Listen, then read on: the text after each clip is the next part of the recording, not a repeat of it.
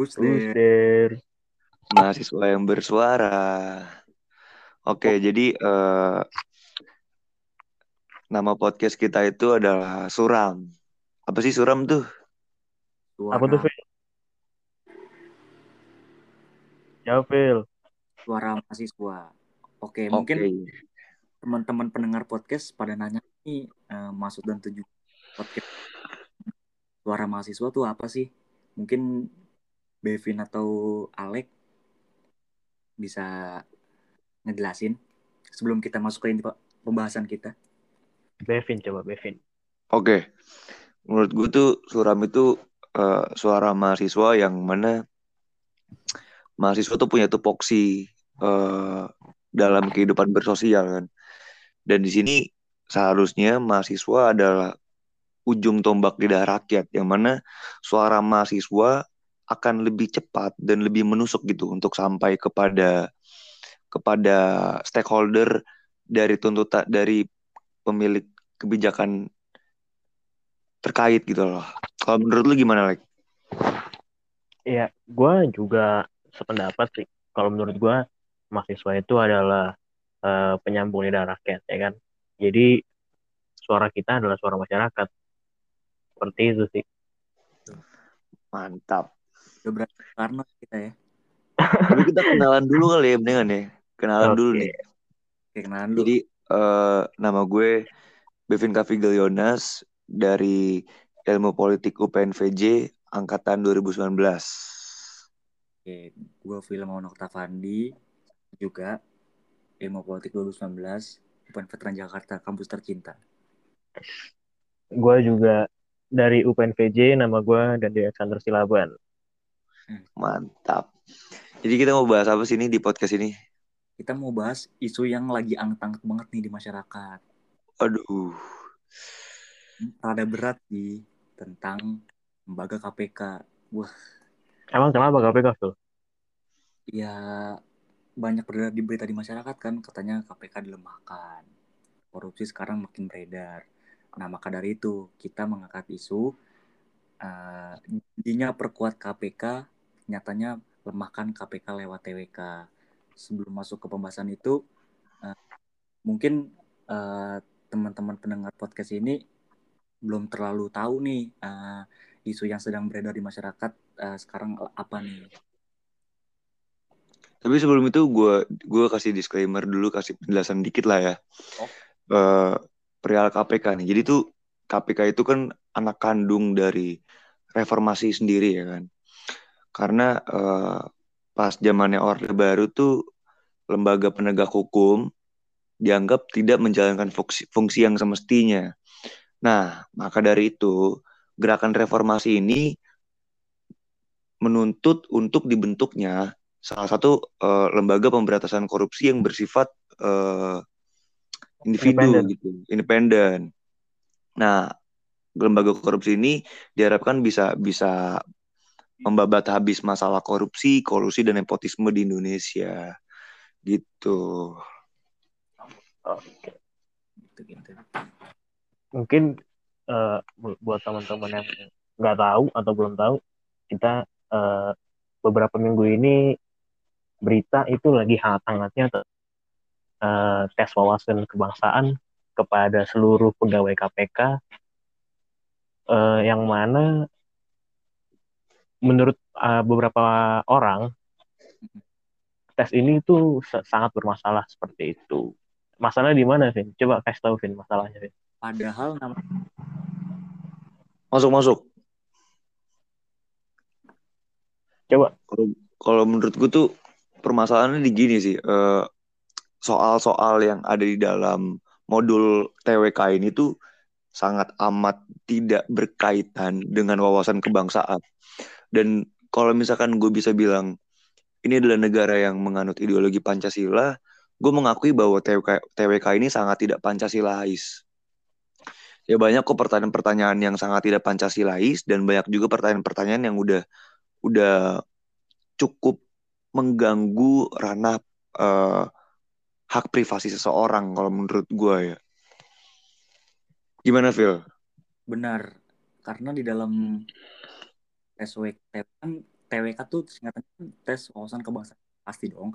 Uh, istilahnya dari sub materi TWK itu sendiri uh, ujung-ujungnya muaranya adalah tentang pernyataan uh, pertanyaan-pertanyaan kebangsaan begitu. Dan uh, ditambah lagi tes TWK ini ber, bertujuan untuk uh, pegawai KPK tentu saja pertanyaan-pertanyaannya harus uh, berbau-berbau tentang pemberantasan korupsi. Tetapi pada nyatanya pertanyaan itu dibalut uh, tentang pertanyaan-pertanyaan seksi gamis begitu.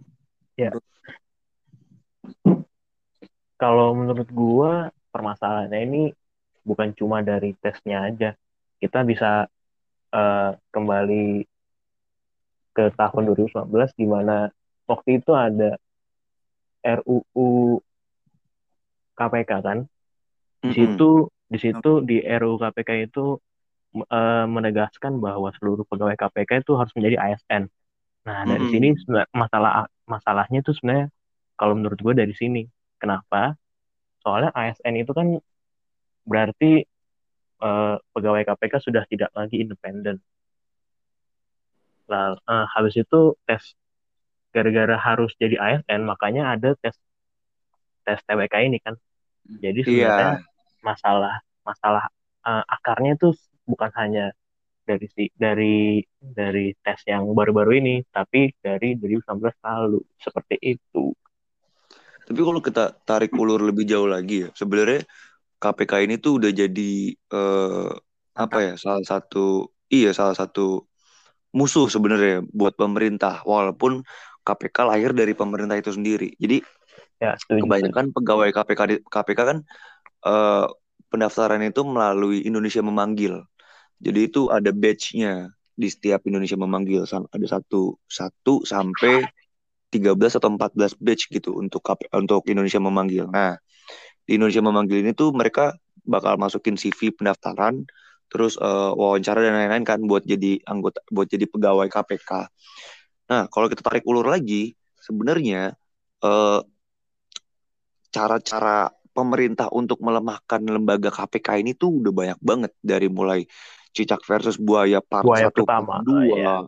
iya dan menurut gua memang musuh sejatinya KPK itu kan ya sorry to say dan tidak bermaksud melanggar kode etis dan lain-lain cuman memang ini adalah rahasia umum. Buaya yang dimaksud dalam uh, karakter cicak cicak versus buaya ini adalah kepolisian gitu Polri. Jadi menurut gue banyak banget cara pemerintah melalui melalui lembaga kepolisian untuk berusaha melemahkan KPK gitu. Tapi asik juga sih kalau kita flashback nih ke konflik cicak buaya dulu pertama kali di tahun 2009. Itu berarti di zaman pemerintahnya Pak SBY ya. SB, hmm. SB pertama. Iya, SB, SB kedua, SB kedua. SB dua, SB dua.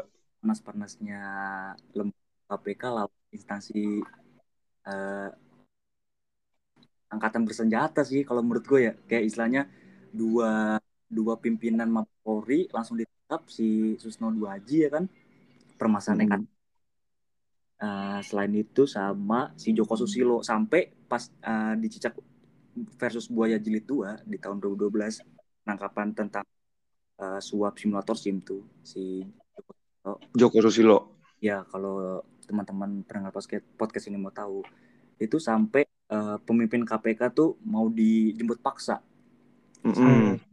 Sampai dikepung tapi pada akhirnya uh, masyarakat koalisi masyarakat anti korupsi itu uh, datang ke KPK buat ngelindungin bikin uh, apa border lah istilahnya gitu untuk mm -hmm.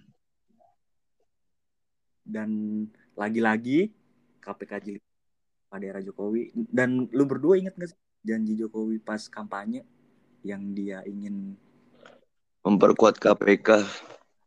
Lah menurut kalian gimana? Sangat biasa sekali gitu janjinya. Menurut gue tuh bualan sih. Toh gini loh. Kita udah tahu bahwa karakter buaya ini menggambarkan kepolisian gitu. Tapi kenapa banyak banget pemimpin pimpinan KPK gitu yang berangkat dari ranah kepolisian. Ya walaupun uh, walaupun kita sama-sama tahu uh, kayak misalkan si penyidik KPK tuh penyidik senior novel Baswedan itu kan juga berangkat dari dari ranah Polisi, kepolisian. Iya. iya. Tapi ada beberapa beberapa pihak uh, inilah gue bisa bilang mereka adalah orang-orang yang tidak bertanggung jawab gitu. Ya, mereka berangkat dari ranah, ranah kepolisian yang kerjanya malah melindungi melindungi sebuah temannya sendiri. Iya, kayak ada kejadian yang merusak buku merah tau gak lu? Yang bukti-bukti Ya, ya. dirusak tuh. Nah, Itu, Itu juga kan orang dari kepolisian tuh. Ada ada liputannya di kom, di Tempo kalau nggak salah. Iya, ada ada ada CCTV-nya kan. Iya. Ya, kalau menurut gue juga yang tadi Villa tanya apa tentang janjinya Jokowi itu menurut gue cuma kayak ya janji kampanye aja Betul. buat buat buat narik masa buat milih dia untuk yang periode kedua mungkin.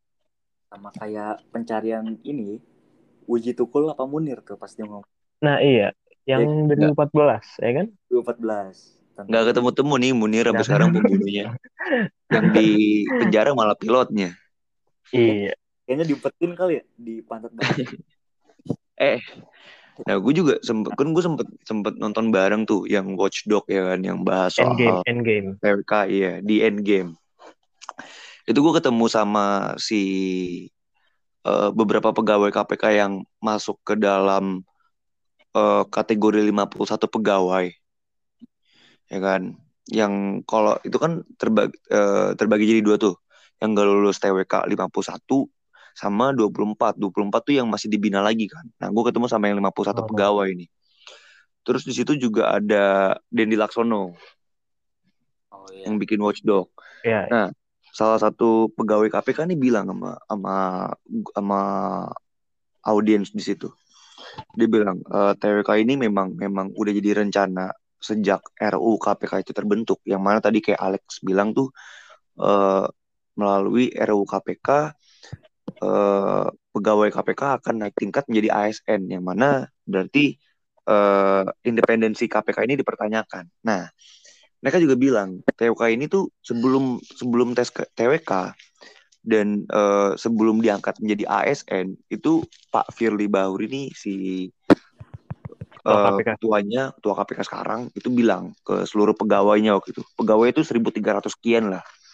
Dia bilang dikumpulin di lantai tiga gedung KPK yang baru terus dia bilang bahwa tenang aja nanti kalian bakalan bakalan pasti naik jadi ASN dan TWK ini eh, udah pasti juga nggak mungkin tidak tidak meluluskan kalian. Nah itu dia udah ngomong kayak gitu. Ternyata pas di hari H tes ternyata tes ya, modul KPK ini kak modul TWK ini tuh nggak sama sekali berhubungan sama wawasan kebangsaan. Dan ternyata Hmm. hasil dari TWK ini juga menjerumus ke arah pelemahan KPK yang di mana beberapa pegawai yang memiliki integritas tinggi ternyata dipecat karena alasan tidak lulus TWK. Terus dia juga bilang sih ada beberapa cerita. Di gue cerita dikit nggak apa-apa ya. Oke Oh, lanjut silakan silakan. Bung Bevin. Eh, lu tahu kan kasus bansos nih? Ya. Kalau dia bilang eh, kalau gue menggambarkan kasus bansos yang udah nangkep si mensos kita nih Julian. Batubara itu dia ngomong bahwa kalau misalkan gue gambarin menjadi eh, film kasus ini tuh baru nyampe di titik bikin minuman sebelum nulis skrip. Jadi dia bilang kasus gimana? ini tuh iya skala 1 sampai 10 kasus ini ba- baru selesai di angka 2 sampai 3 kenapa? Karena anggaran bansos ini 6.000 triliun. Yang baru terungkap itu 18, koma sekian triliun ya kan? 18, koma miliar eh 18, koma sekian miliar ya kan? Nah dia bilang bahwa yang ketangkep ini baru orang-orang yang berangkat ke fotokopi karena yang dipakai baru uang fotokopi 18 miliar itu. Jadi dia bilang bahwa ini belum ada apa-apanya. Dan ini adalah salah satu pelemahan KPK untuk menuntaskan kasus ini. Gitu. Hmm, berarti kalau bisa gue simpulin ternyata eh, kasus bansos ini sebenarnya belum selesai ya. Masih belum panjang, masih Masih panjang. jauh banget Selain kasus bansos kan korupsi lobster terus wali kota Tan- Tanjung Balai dan menurut gue si ketua KPK sekarang Philly tuh cuma jadi pion aja dan di belakang dia tuh ada monster besar yang ngegerakin sih menurut gue entah itu dari pihak kepolisian polisian. Ya kepolisian secara nggak langsung kan dia belum purnawirawan ya kalau nggak salah masih menjabat. Belum, belum. ya masih. Di mana eh, hanya amanat reform yang digaung-gaung karisasi buktinya masih ada dui fungsi dui fungsi Polri sekarang ya. Palingnya perlu perlu ditambahin nih poin amanat reformasi nih Eh, yang beda mungkin gini, otoritarianismenya Soeharto itu menggunakan eh, TNI ABRI sebagai alat. Kalau di zaman Bapak kotak-kotak nomor satu nih, itu gue merasa alat otoritarianismenya tuh kepolisian, Polri. Menurut gue pribadi sih, cuman jangan sampai gue ditangkep lah. udah, udah pengalaman Syuh, pengalaman siapa pengalaman Jadi gitulah. Iya gitu. Parah banget sih kalau menurut gua. Udah ya kalau pas di pilpres 2019 tuh di kubu sebelum ngom- eh, eh, ngomong ini rencana terstruktur sistematis dan masif. Ini bener nih. Terjadi Hmm. pelemahan KPK yang terstruktur yang yang terstruktur. Iya pelemahan yang terstruktur anjing.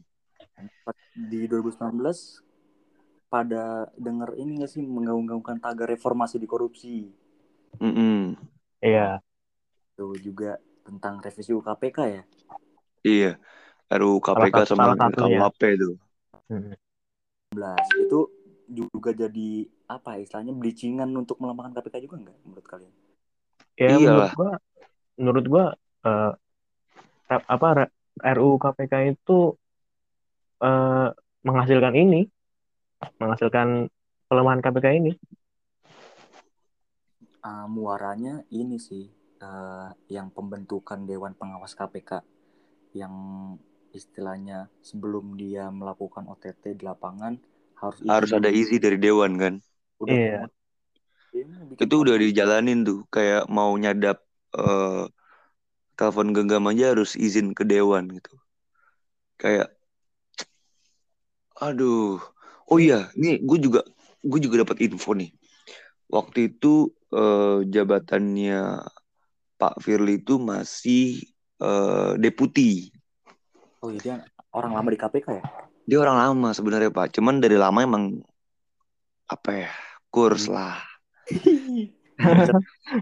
Waktu itu Firly masih menjabat jadi deputi nih. Dan dan saat Firly menjabat jadi deputi itu banyak banget kasus yang harusnya di OTT tapi nggak berhasil karena pelakunya ini keburu kabur.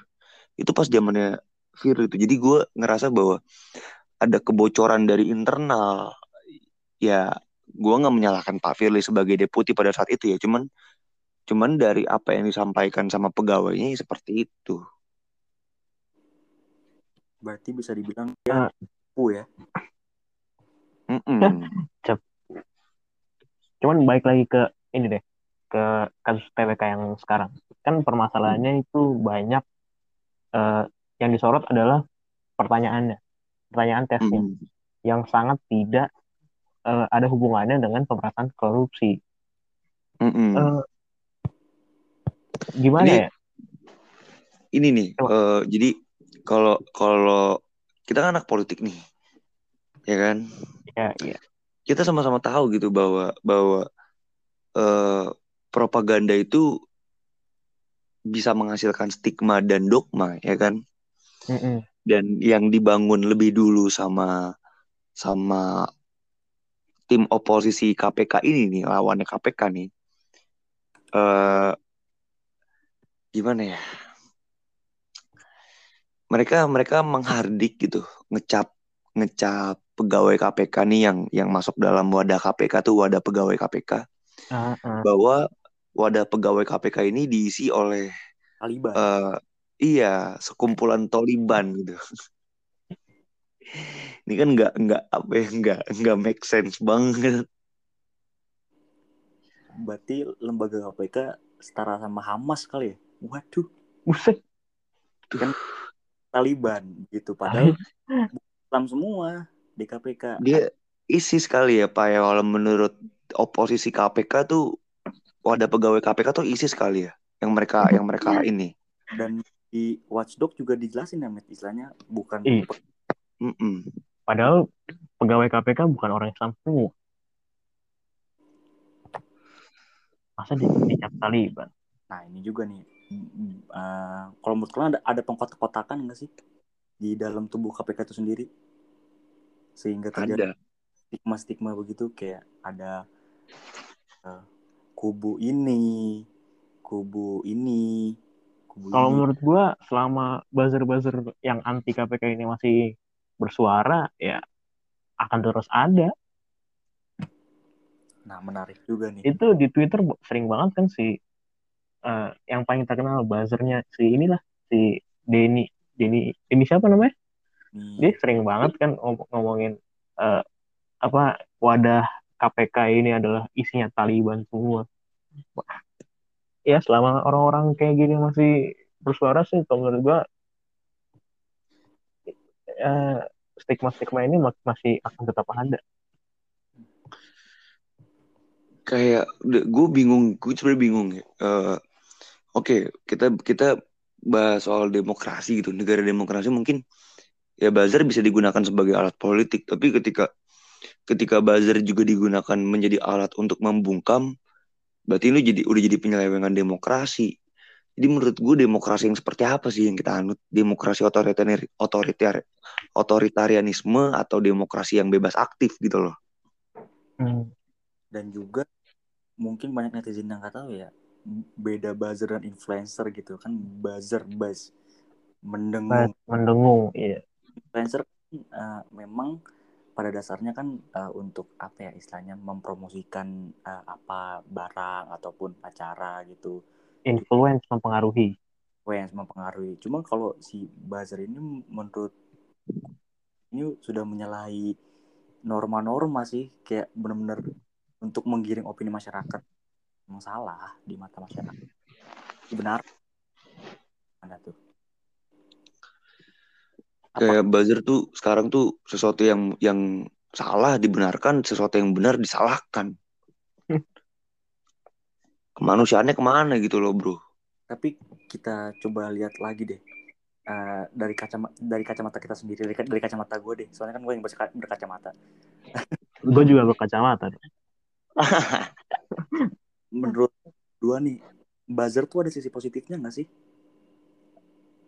Coba lo dulu. Untuk mempromosikan kebijakan-kebijakan gitu uh, di balik negatifnya ya kayak istilahnya uh, di mana-mana tentu kebijakan ada sisi positifnya juga nggak mungkin Hmm.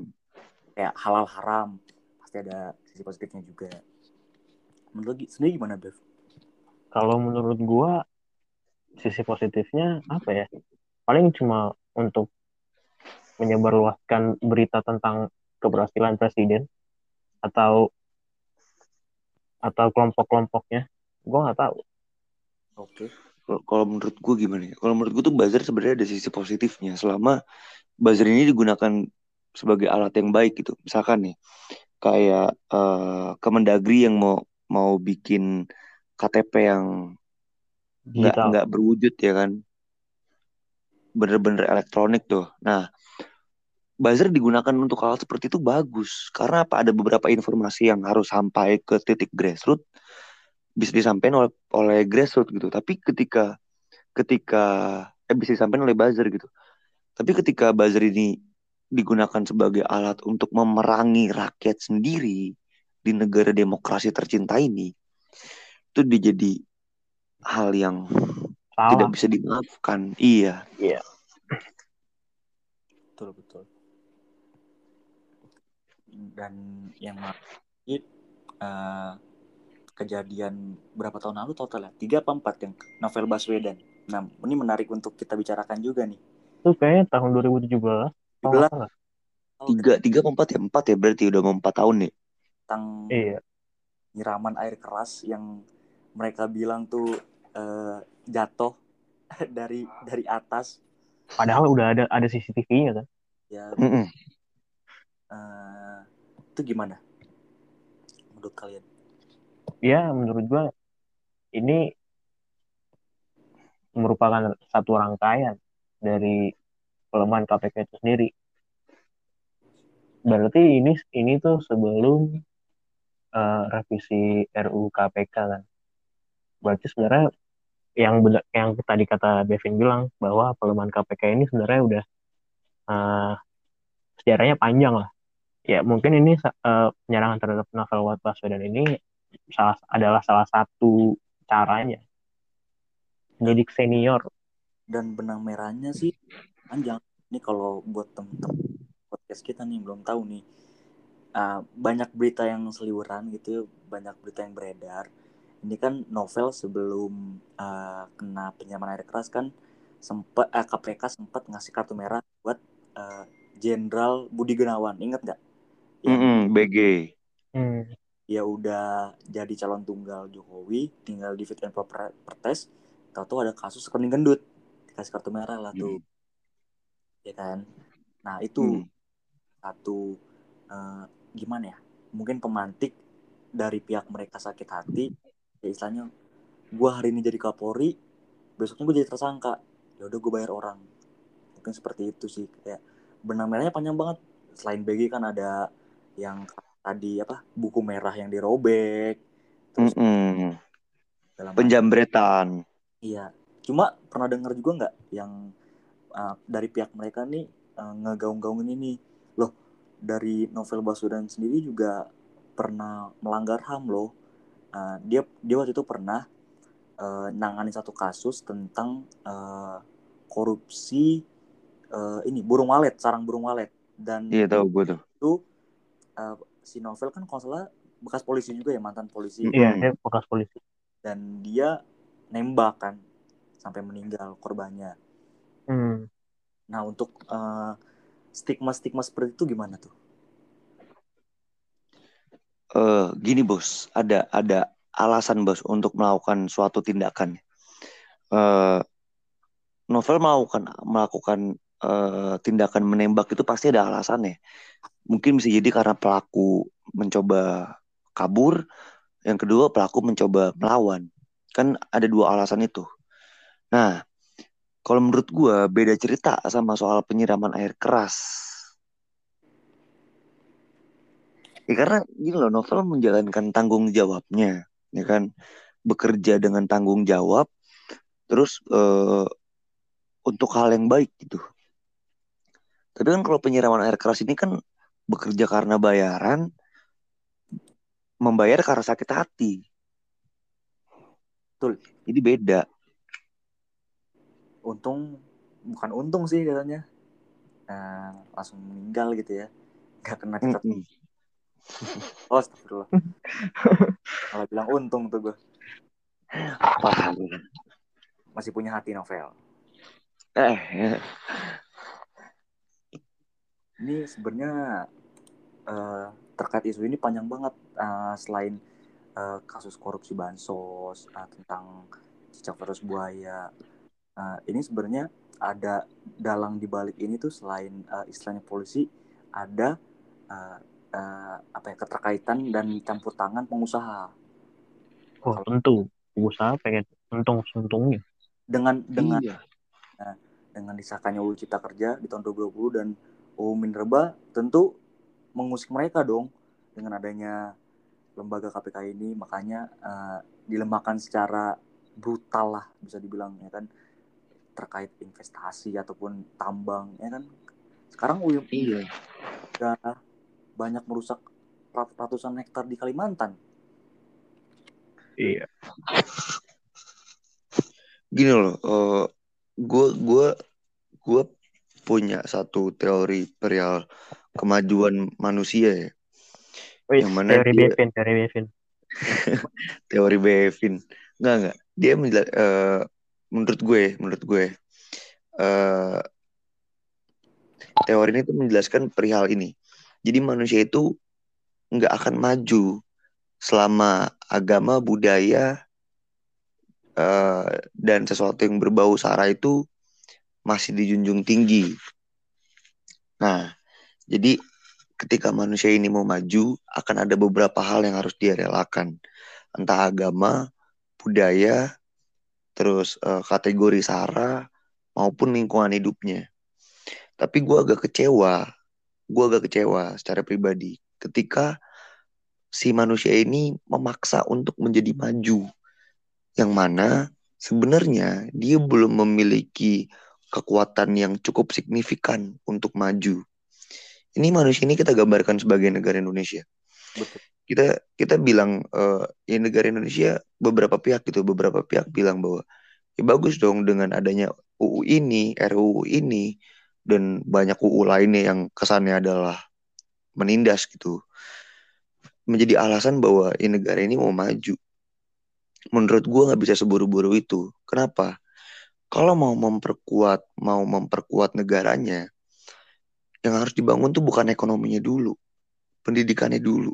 Seandainya pendidikan maju, otomatis akan menghasilkan ekonomi yang maju. Karena apa? Karena sumber daya manusianya berkualitas. Ya, ya. Itu dulu. Ya kan? Sekarang coba kita telah lebih dalam lagi. Pendidikannya milik siapa sih sekarang? Pendidikan hanya milik mereka yang memiliki kemampuan. Masih pendidikan tuh masih dikomersil. Kayak pendidikan tuh gua gua anggap sebagai ini loh, sebagai sebuah jasa yang diperjualbelikan sama korporat dengan harga setinggi-tingginya untuk mencapai keuntungan setinggi-tingginya. Jadi secara tidak langsung ini ada ada kapitalisasi gitu dalam ranah pendidikan. Terus pembukaan UUD 1945 yang membahas perihal pencerdasan bangsa kehidupan bangsa. Iya. Mungkin perlu Bullshit pembukaan UUD mencerdaskan kehidupan elit kali. Ya. Aduh. aduh, aduh. Agendanya mungkin gitu sih Pak. Jadi yang yang enggak elit udah biar di bawah aja mungkin. Intinya tolak komersialisasi pendidikan. tolak komersialisasi pendidikan untuk sumber daya manusia yang berkualitas iya. sehingga manusianya maju semakin kritis dan nggak ada TWK TWK lagi di KPK yang akan berkembang di kemudian hari. Udah berbayar semua, bro. Sayuran, kena PPN. Iya, sekarang sekolah juga kena PPN. Itu kenapa? Gimana mau maju di negara maju di Finlandia pendidikan udah gratis. Belajar lima jam. Belajar lima jam. Pinter lagi. di, sini belajar lama, tugasnya banyak, pendidikannya mahal. Di sini bayar pendidikan mahal-mahal, cuman cuman jadi sapi anjing di kampus. Ya, pinter juga belum tentu. Nah, itu dia, Pak. Aduh. Nah, ini sih, gue mikirin, uh, eh, gue pernah nanya kalau Bevat itu kan, hmm. uh, kayak uh, gini, gue lupa pertanyaannya. Oh ya, uh, ini kan negara Indonesia kan uh, istilahnya udah bisa dibilang udah kritis banget eh udah ya kritis banget lah korupsinya udah di ujung tanduk banget mm. itu gue pernah nanya ke lu uh, gimana sih uh, cara kita untuk memberantas uh, itu semua KKN korupsi kolusi nepotisme tapi masuk ke uh, lingkaran tersebut nah waktu itu lu jawab mm. uh, lu bayangin aja kalau uh, air dikasih pakai tinta nah uh, udah pasti air tersebut bakal berubah. Nah sama aja kayak uh, lu uh, join ke lembaga legislatif tersebut yang isinya emang sudah dipenuhi uh, korporat-korporat uh, tersebut. Keparat iya udah pasti iya. Uh, uh, ikut arus tersebut. Nah kalau kita samakan dengan kasus KPK ini kan yang ditolak 51 pegawai KPK ya? Mm -hmm. yang ban Taliban itulah terus tapi di sisi lain ada 1250 ya kalau nggak salah pegawai yang lolos jadi ASN Nah, hmm. jadi uh, concern adalah apakah 1250 ini bakal menjamin adanya perubahan uh, dan istilahnya mengusung uh, gimana ya?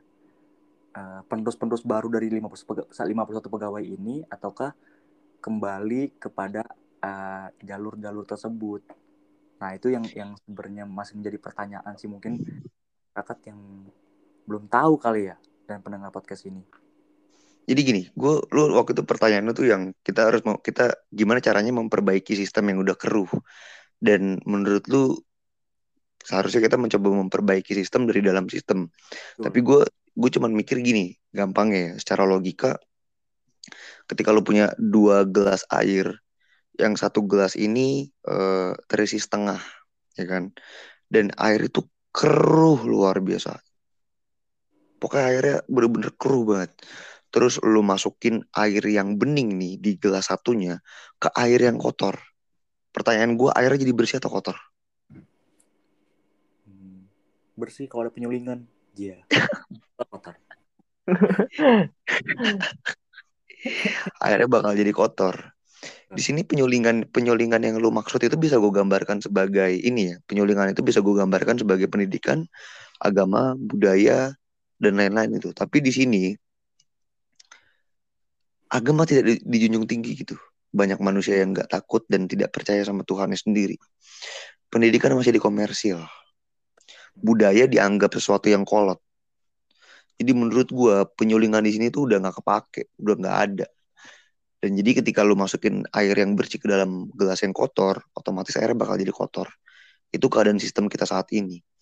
Dan menurut gua dari pertanyaan lu tadi, perihal 1200 sekian pegawai KPK yang lulus, lulus tes TWK, itu eh, gue bisa bilang banyak banyak pegawai yang punya integritas. Tapi gue juga bisa bilang bahwa di, di dalam 1200 itu banyak pegawai yang ya lo paham lah. Ya ya ngerti ngerti mereka gerbongnya siapa? Iya. Ya. jadi masih 50 masih 50-50 gitu. Bahkan beberapa aliansi ya aliansi aliansi NGO terus eh, ICW dan lain-lain gitu lebih sepakat bahwa KPK lebih baik dibubarkan terus kita bikin yang baru dari rahim rakyat. Itu ada ide gila seperti itu sih. Gua gue juga lebih setuju sih mending dibubarin sekalian ya gak sih? Ya setuju gue barin Senayan sebenarnya kalau mungkin Bevin ingat tahun 2019 atau du- 2020 eh itu kan udah ada pemakaman KPK kan di Mm-mm, di mm-mm, depan KPK. mm-mm. Yes, sebenarnya dari dari situ ya KPK udah mati. mati suri kali lek ya Ya bisa dibilang mati suri. Pak. Ka- Kalau mau hidup lagi ya bangun aja KPK yang baru. KPK yang sekarang bubarin aja.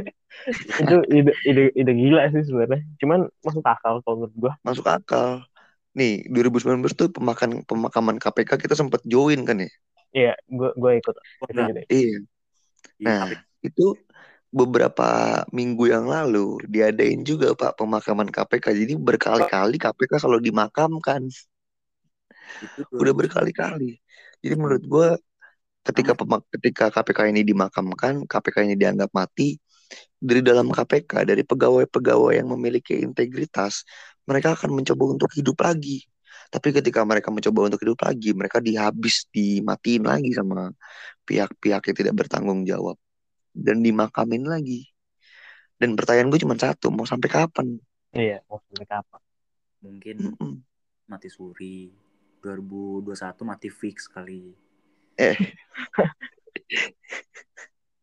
ya memang keadaannya benar begitu adanya. Berarti kalau dari pertanyaan lu berdua kayak gitu pernyataan lu berdua kayak gitu harapan itu benar ada nyatanya atau harapan itu emang omong kosong belaka? Kayak kita berharap doang nih tapi dari sistemnya itu sendiri emang udah bobrok gitu loh. Kayak ya mau apa lagi? Kayak kita nuntut ini itu turun ke jalan sekelas istilahnya Presiden Jokowi yang udah nginstruksiin untuk ngeberitain eh, eh sorry instruksi dari presiden eh, ditahan dulu dan pada akhirnya diginiin itu sampai dilanggar sama, sama mm-mm. baik kali sama kronik-kroniknya gitu dan ini kan mencerminkan kayak istilahnya kuasa presiden tuh di atasnya masih ada lagi gitu entah itu Iya. Sekarang presiden udah nggak ada apa-apa ya sama mereka.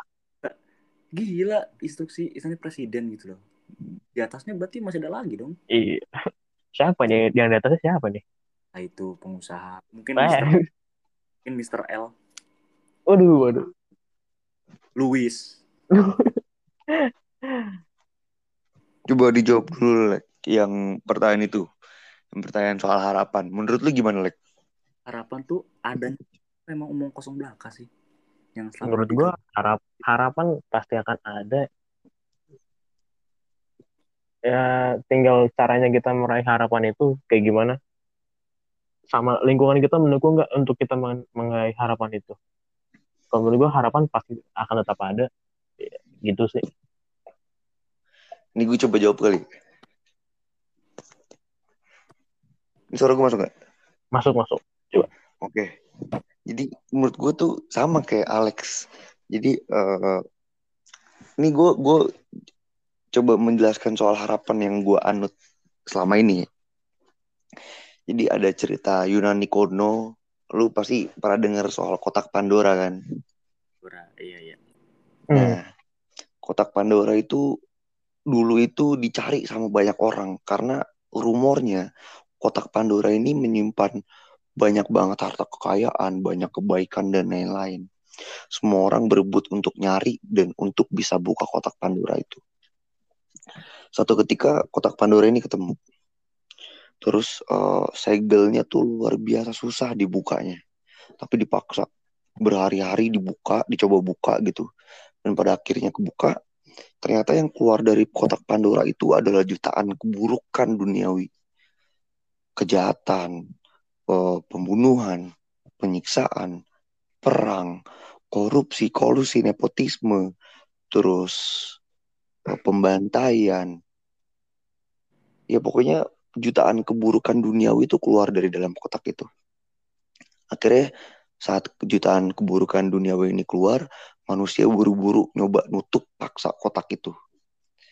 Nah, pas udah terlanjur semua semua hal itu keluar, ada satu ada satu hal yang masih terjebak di dalam kotak, tapi keburu ditutup ditutup sama manusia. Lu tau nggak yang terjebak tuh apa?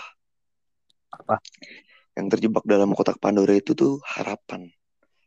Jadi menurut gua, menurut gua tuh gini, kayak sampai kapan pun, sejauh apa pun, se seberjuang apa pun gitu, pada akhirnya yang lo cari itu harapan. Kenapa? Karena pada akhirnya lo cuman akan akan berserah diri sama perjuangan yang lo lakuin dan lo tinggal berharap. Kemarin gue sempet sempet dengar omongan beberapa penyidik yang jadi korban TWK. Mereka ngomong, kita capek.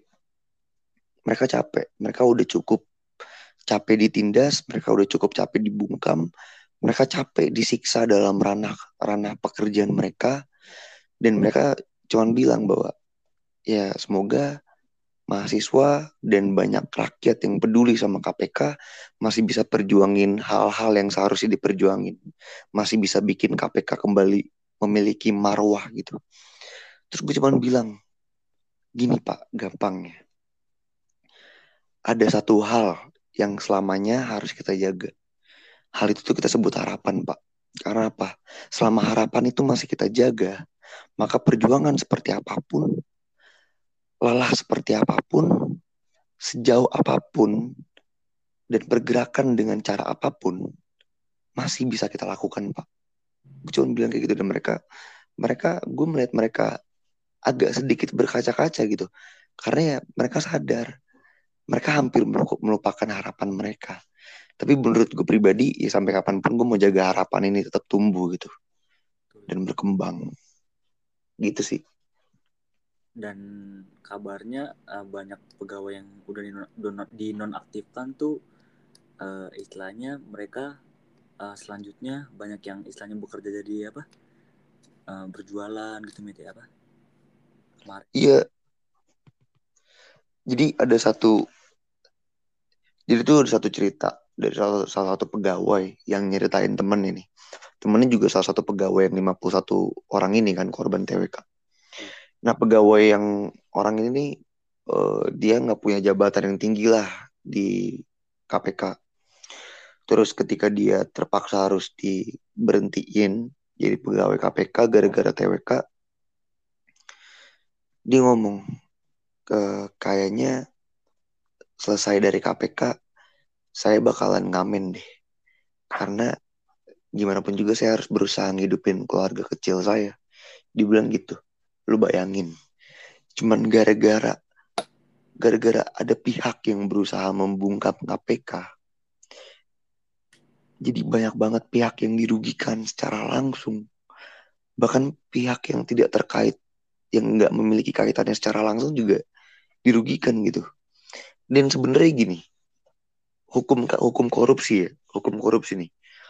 Menurut gua korupsi adalah kejahatan paling tinggi. Kenapa? Karena ya udah udah udah sampai di titik perampasan pembungkaman terus pembunuhan hak hak hidup dan lain-lain gitu. Dan tanpa lu sadarin selama ini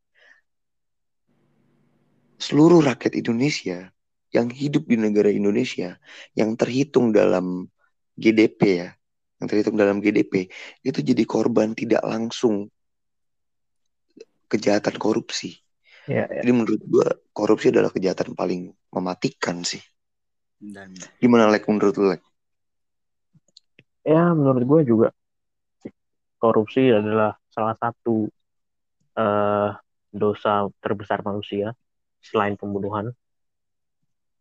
Terus menurut ya menurut gue perjuangan kita akan terus ada sampai kapan pun aja. untuk eh, meng- apa ya untuk eh, menghapuskan seluruh KKN dari negeri ini. Gitu. Itu aja sih kalau gue. setuju banget dan menurut gue ya eh, kayak untuk efek jerak eh, hukumannya itu hukuman mati menurut gue ya memang gak bakal tercapai ya. Dan memang seharu- udah seharusnya eh, pelaku korupsi itu emang benar-benar harus dimi- dimiskinkan ki sih. Sampai seumur hidup mati kalau bisa kalau menurut gue ya. Itu eh, lebih lebih lebih gimana ya? Lebih beradab sih daripada emang harus ya karena memang eh, masih masih tabu banget di Indonesia hukuman mati untuk para korup koruptor gitu. Dan selain di- dimiskinkan untuk di sel tahanannya tuh kalau perlu eh, di bawahnya pelaku pemerkosa karena ya itu tadi lu bilang kejahatan luar biasa rebut hak Ya. kan orang lain juga ya, balasan setimpalnya mereka dimiskin, dimiskinkan juga gitu Sepakat sih gue di luar konteks HAM, gue sepakat iya karena eh, koruptor harus ditindak tegas, tegas-tegasnya gitu. Mereka tuh selama ini berlindung di balik HAM HAM Ya memang. Koruptor nggak boleh dihukum mati HAM nah lu kan concernnya HAM banget nih. Bisa nggak sih ini Bev. Untuk para Apa? korup- untuk para koruptor. Heeh. ditetapkan hukuman mati. Tapi kita nggak usah gimana ya? Duh gue ngeri juga nih kalau mau ngomong. Kita nggak usah nge- ah, sisi HAM deh. Itu kira-kira tepat atau emang itu udah melanggar amnesti internasional gitu dari HAM itu sendiri.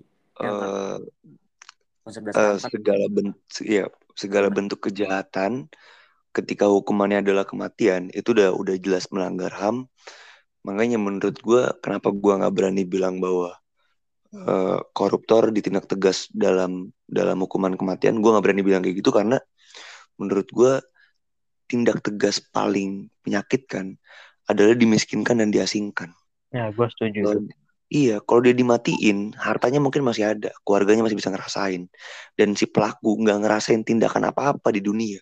Tapi ketika dia dimiskinkan, dia diasingkan, maka itu udah totalitas dia dia akan merasa tidak ada di dunia gitu. Ya, gue setuju sama yang perkataan Bevin tentang eh, pembunuhan itu nggak boleh dibenarkan. Walaupun Iya kan? dia walaupun dia koruptor, ya memang solusinya menurut gue emang dimiskinkan aja tuh eh, dia sama keluarga-keluarganya mungkin yang udah makan Nah, yang makan uang dari hasil korupsinya itu. tiba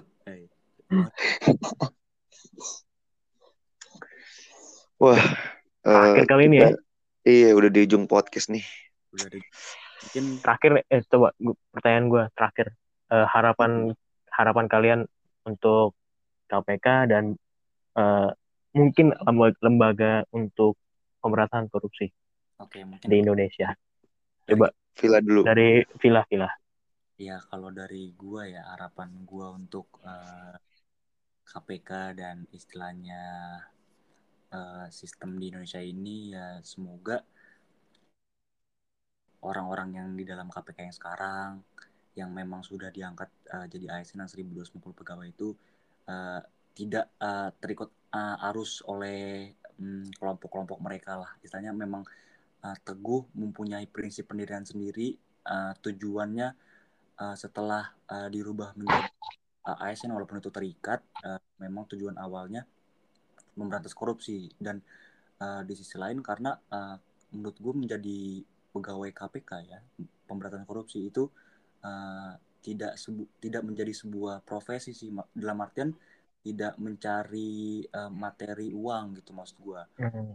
Tanya uh, terbukti da dari tadi cerita Bevin yang istilahnya saya uh, setelah dari pegawai KPK mengamankan itu kan membuktikan bahwa pengabdian di KPK itu sendiri yang memang pure dari dalam hati untuk uh, sistem uh, di Indonesia ini yang memang sudah dari masa lalu da dari istilahnya uh, turun temurun uh, sudah merebak KKN dan segala macam tuh memang uh, ja apa istilahnya pengabdian di KPK tuh memang dari sisi untuk pemberantasan ini itu sih pak. Bevin coba Bevin. Kalau dari gue sih semoga semoga banyak orang yang tetap menjadi kritis dan tetap tetap berharap itu memiliki harapan untuk bisa untuk bisa tetap berjuang dalam nafas yang panjang umur dan tetap bergerak demi kebaikan. Dan gue juga berharap semoga KPK bisa dikuatin lagi, totalitas dikuatin lagi, tidak ada susupan baik dari internal maupun eksternal. Dan gue berharap banget, berharap banget Indonesia menjadi lebih baik dan tidak menggunakan embel-embel menjadi negara maju untuk berperang terhadap rakyatnya sendiri. Ya, semoga panjang umur perjuangan dan perlawanan terhadap ketimpangan dan penindasan. Kalau dari lu gimana, Lek? Uh, harapan gua untuk KPK itu adalah semoga KPK bisa bangkit dari mati surinya.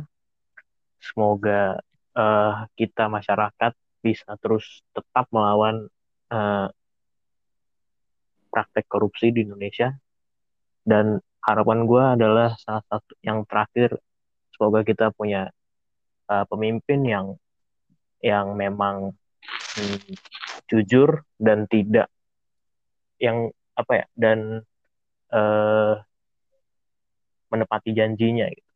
itu sih dari gue mantap Berarti Oke, mungkin untuk saat ini KPK ganti nama dulu kali ya. Komisi Jadi apa tuh? Korupsi ya. Apa? Jadi Komisi Perlindungan Korupsi ya. Aduh, yeah. aduh. Enggak sih yang yang foto baca banget, Pak. Yang foto Kemendagri yang undangan.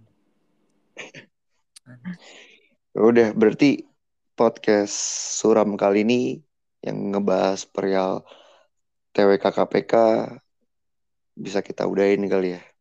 Oke. Okay. Next episode okay. kalau kita bahas isu-isu sosial masyarakat. Stay. Mantap. Oke, okay. okay, gue Bivin dari Suram undur diri. Gue Villa dari Suram undur diri juga. Gue dan Alexander undur diri. Satu kata. Terima kasih. Satu kata dari kita. Apa tuh? Reformasi masih dikorupsi. Sekian, terima kasih. Oke, okay, mantap. Okay. Mantap. Assalamualaikum warahmatullahi wabarakatuh. Dadah semuanya. Dadah. Bye.